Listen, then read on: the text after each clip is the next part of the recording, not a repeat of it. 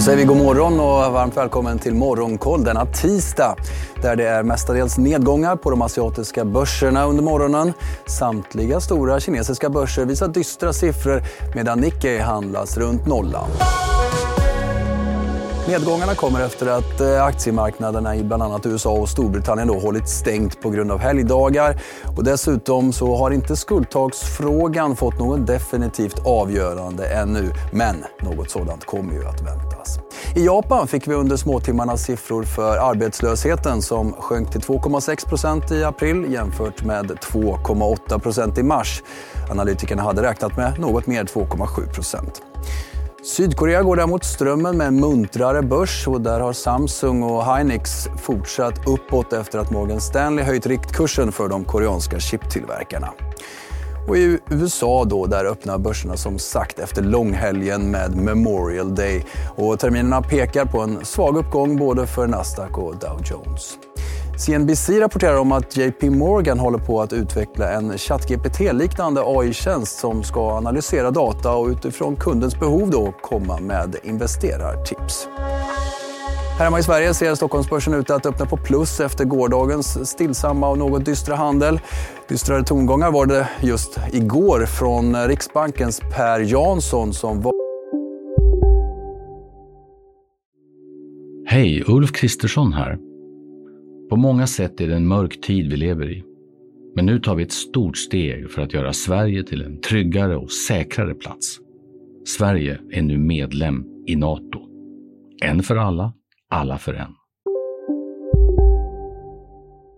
varnade för att den svaga svenska kronan riskerar att leda till nya räntesmällar från centralbanken.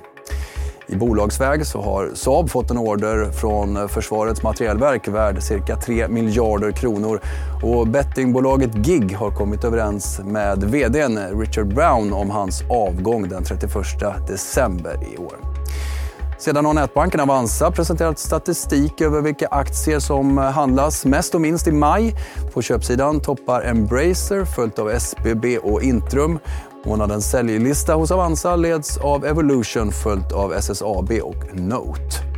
Och den forna börsraketen Äger Bios styrelse har valt att skriva ner goodwill med 280 miljoner kronor och aktien är då ner 99,5 sedan toppnoteringen sommaren 2021. Annars är det endast ett större bolag som rapporterar idag. Det är investmentbolaget Lundberg som öppnar böckerna klockan 14.30. Aktien är där hittills i år upp knappt 4 men redan under morgonen så kommer det en hel del intressanta makrosiffror i Sverige. Klockan åtta så är det definitiva BNP-siffror för perioden januari till mars samt även KIs konjunkturbarometer för maj som presenteras idag. Så det finns all anledning att följa våra sändningar idag.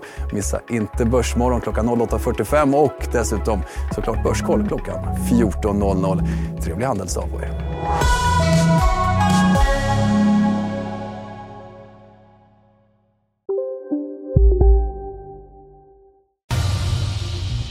Expressen gör varje vecka podden Politikrummet där vi djupdyker i det senaste och viktigaste inom svensk politik. Med mig, Filippa Rogvall, som programledare tillsammans med mina vassa kollegor. Och det är ju ni som heter Thomas Nordenskjöld, Anette Holmqvist och Viktor Bartkron. Politikrummet kommer med ett nytt avsnitt varje tisdag. Vi hörs.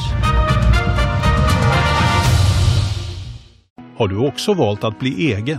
Då är det viktigt att skaffa en bra företagsförsäkring. Hos oss är alla småföretag stora och inga frågor för små. Swedeas företagsförsäkring är anpassad för mindre företag och täcker även sånt som din hemförsäkring inte täcker. Gå in på swedea.se företag och jämför själv.